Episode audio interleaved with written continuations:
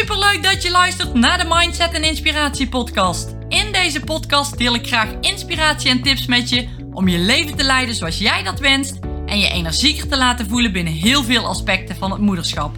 Ik ben Tamara, moeder van twee dochters, met een bult motivatie voor jou en dol op alles wat met mindset te maken heeft. Mijn missie is om jou te helpen je dromen na te streven, waarna jij verlangt, zodat ik jij een fantastisch energiek leven creëert. Klik op abonneren, start met luisteren en ben klaar voor een bijzondere transformatie en mooie inzichten, welke life-changing gaan zijn.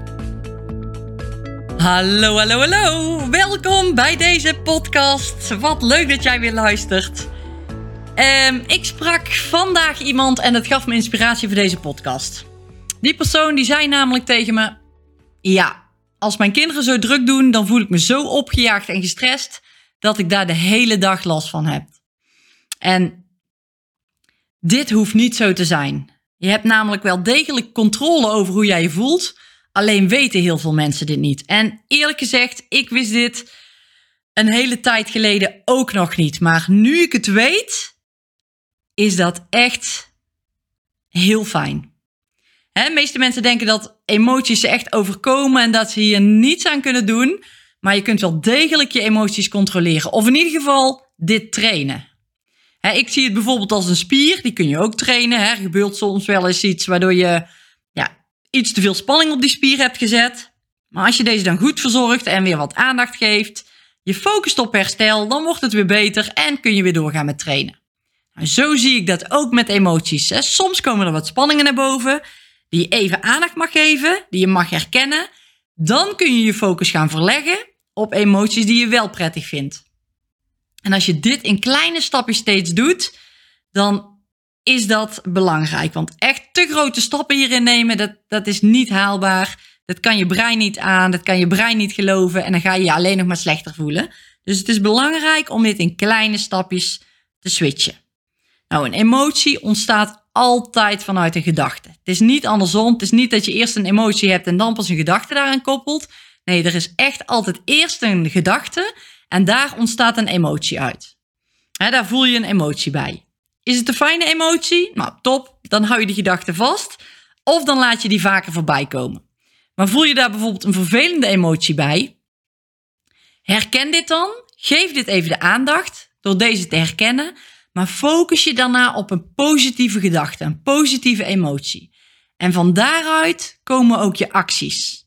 Ja, dus het begint met een gedachte. Dan komt er een emotie uit voort en daarop neem je actie. Dat zijn de drie stappen die er dan gebeuren. Nou, stel je hebt een uh, negatieve gedachte. Bijvoorbeeld je wil niet dat je kind schreeuwt. Je voelt een vervelende emotie opkomen en je wordt misschien wel een beetje boos of geprikkeld. En handel je waarschijnlijk ook op een manier zoals je liever niet reageert. De kinderen voelen haarfijn aan hoe jij je voelt en ze projecteren dit. Dus als je merkt dat je kind vaak druk doet of schreeuwt, Probeer dan eens te kijken naar hoe jij je op dat moment voelt. En het is niet makkelijk om je emotie te veranderen op het moment dat deze al heel hoog is opgelopen. Dat is echt heel moeilijk shiften. Dat is een te grote stap. Maar als je dit traint en telkens weer opnieuw doet, word je er beter in. En dan herken je die emoties ook veel sneller en kun je er veel eerder ook uh, naar handelen. Kun je veel eerder die shift maken voordat je emotie te hoog op is gelopen. Als jij namelijk in control blijft en rustig kan reageren in zo'n situatie, dan zul je merken dat je kind dat ook over gaat nemen. Letterlijk doen wat jij wil uitdragen, dat heeft een bepaalde aantrekkingskracht. En als jij je goed voelt, wat er ook gebeurt, zul je merken dat andere mensen hierop aanhaken. Jij voelt je sterk en je kan je zo blijven voelen, in welke situatie dan ook en doe het dan niet omdat je wil dat anderen veranderen, want dan probeer je anderen te controleren. En dan ga jij je zo gedragen vanuit eigenlijk een verkeerd oogpunt. Nee, je probeert je zo te gedragen, je shift je gedachten, zodat jij je goed zo gaat voelen, welke situatie zich er ook voordoet. Jij moet het willen, jij moet je goed voelen, zonder dat anderen daar van invloed, uh, op, invloed op hebben. Ja, dus probeer zelf dat echt zo te willen, jezelf zo te gedragen, zodat jij je goed gaat voelen. ik ben hier in podcast 19 ook al wel iets dieper op ingegaan. Daar benoem ik ook specifieke situaties waarin ik ja, iets mee heb gemaakt, situaties mee heb gemaakt. En waar ik eigenlijk best wel goed mijn emoties onder controle had. Mijn, ja, mijn emoties die ik bij die situatie voelde. Er was een man gevallen op straat. Die moest met de ambulance mee, was best heftig. Maar ik kon heel goed mijn emoties onder controle houden. En dat is iets wat ik getraind heb. Echt zo fijn om dat zo te kunnen. En er is een hele lijst aan emoties. En je kunt proberen door een klein stapje te zetten, een kleine shift te maken naar een andere, een fijnere emotie. Door je, dan, dan, dan ga je je een klein beetje beter voelen als je dat doet. door dat kleine stapje te zetten. Ik zie het als een soort trap.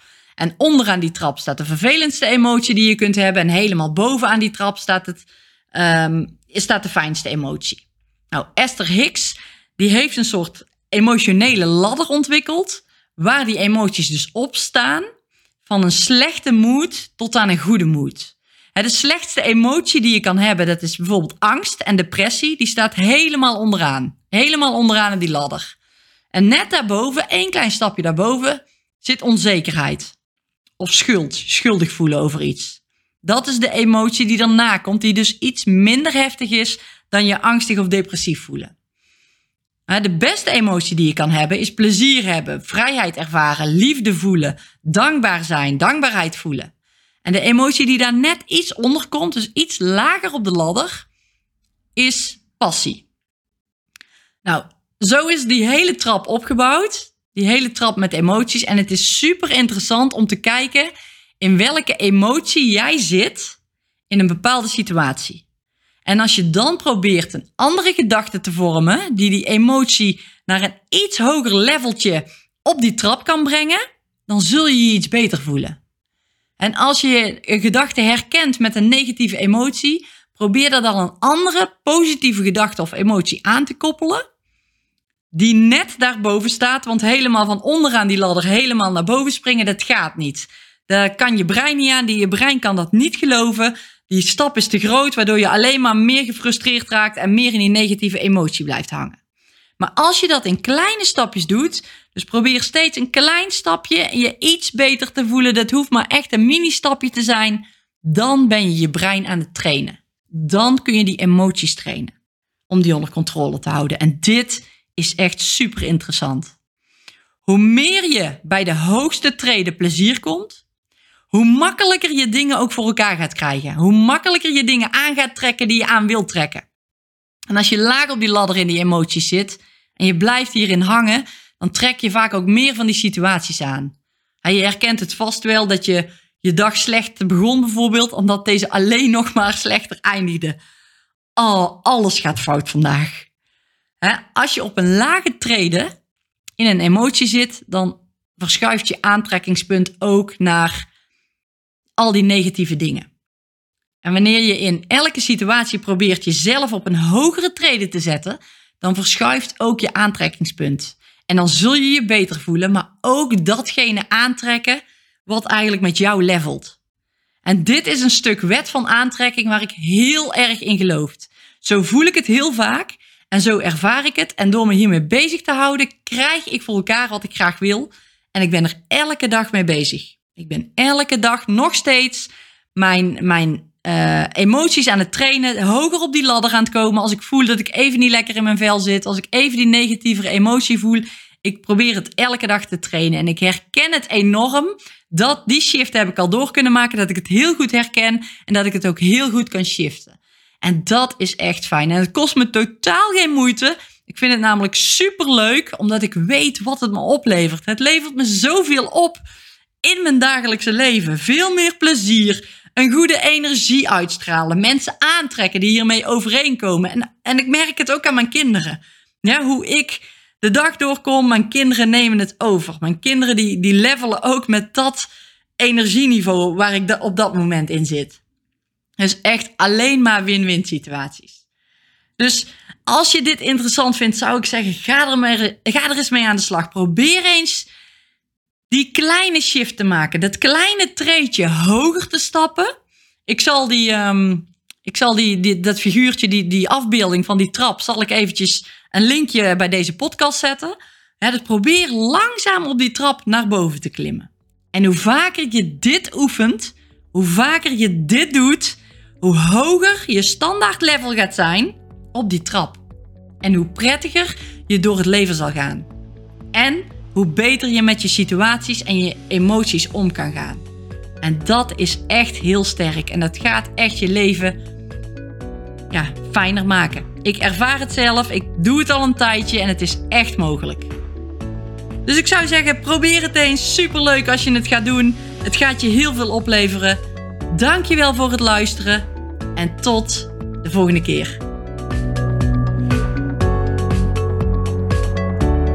Wat top dat je mijn podcast zojuist hebt geluisterd. Ik hoop dat je met plezier hebt geluisterd en er tips of inzichten uit hebt kunnen halen. Ik zou het enorm waarderen als je een review achter zou willen laten op het platform waar je nu luistert als dat mogelijk is. Of een printscreen maakt, deze deelt op social media en me tagt, zodat ik kan zien dat je hem hebt geluisterd. Ik vind het namelijk erg leuk om te zien wie mijn podcast luistert. Dankjewel voor het luisteren en tot de volgende podcast.